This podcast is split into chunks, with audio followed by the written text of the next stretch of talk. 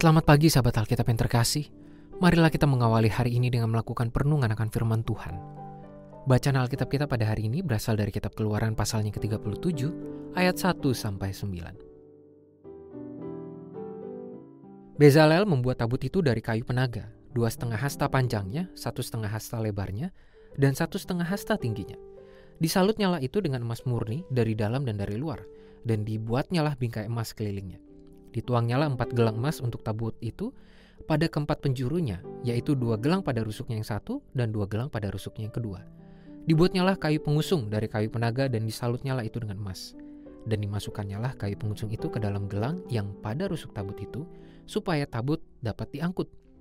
Dibuatnyalah tutup pendamaian dari emas murni, dua setengah hasta panjangnya dan satu setengah hasta lebarnya.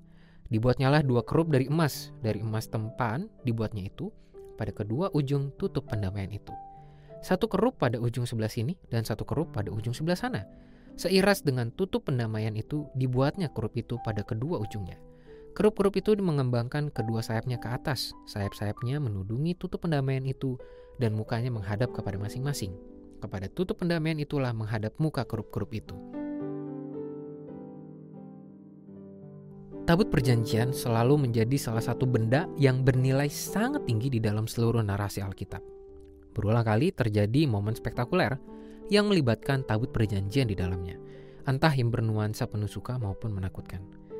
Namun dari semua narasi tersebut kita selalu dapat menemukan penekanan mengenai betapa besarnya nilai dari keberadaan tabut perjanjian yang juga kerap disimbolkan sebagai kehadiran Tuhan. Oleh sebab itu, tidak mengherankan jika orang Israel kuno membuat tabut perjanjian dari bahan-bahan berkualitas dan bernilai tinggi. Terdapat banyak bahan yang memiliki nilai ekonomis tinggi yang digunakan oleh orang Israel dalam membuat tabut perjanjian. Tentu saja, nilai ekonomis itu bukan dimaksudkan untuk menyamakan keagungan Tuhan, melainkan sebagai bentuk upaya manusia untuk melambangkan kemuliaan Tuhan itu sendiri. Inilah salah satu wujud keseriusan umat Israel dalam membangun perlengkapan peribadahannya. Mereka membangunnya secara perinci dan persis sesuai dengan arahan yang mereka dapatkan dari Musa. Pembuatan tabut perjanjian yang dilakukan oleh orang Israel telah menjadi salah satu contoh dari upaya manusia beriman untuk menghasilkan sebuah karya yang optimal dalam berbagai bentuk. Berdasarkan bacaan hari ini, memang kita melihat upaya dari bangsa Israel menciptakan sebuah benda yang terbuat dari bahan-bahan yang memiliki nilai ekonomis dan nilai seni yang sangat tinggi sebagai wujud keseriusan mereka dalam mempersembahkan hidup yang sungguh-sungguh kepada Tuhan. Namun, wujud persembahan hidup sebagai umat Tuhan tidak melulu mewujud dalam hal-hal yang bersifat material, melainkan juga dalam setiap karya hidup yang dapat kita lakukan dalam keseharian.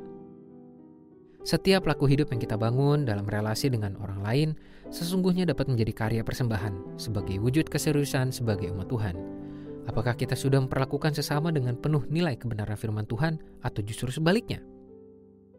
Kemudian, setiap laku yang kita hadirkan dalam lingkup bergereja, entah itu dalam wujud karya pelayanan maupun berbagai partisipasi ritus di dalam gereja, juga dapat menjadi karya yang kita haturkan untuk Tuhan. Pertanyaannya sekarang adalah, sejauh mana kita membentuk diri dan seluruh aksi nyata dalam hidup sebagai karya persembahan yang serius untuk Tuhan? Marilah kita berdoa. Tuhan terima kasih untuk firman-Mu yang kami renungkan dan menyapa kami pada hari ini. Yang mengingatkan sekaligus mengajak kami untuk menilik ke dalam diri kami sendiri tentang keseriusan kami dalam menjalani peran dan iman kami sebagai umat-Mu. Tolonglah kami agar tidak main-main karena relasi yang Tuhan berikan bagi kami bersama-sama denganmu. Itu adalah sebuah keseriusan kasih yang penuh cinta tanpa syarat dan tanpa batas. Oleh sebab itu, tolonglah kami menjadi umat yang penuh keseriusan dalam menjalani dan menikmati cintamu. Hanya di dalam nama Tuhan kami Yesus Kristus kami berdoa dan memohon. Amin.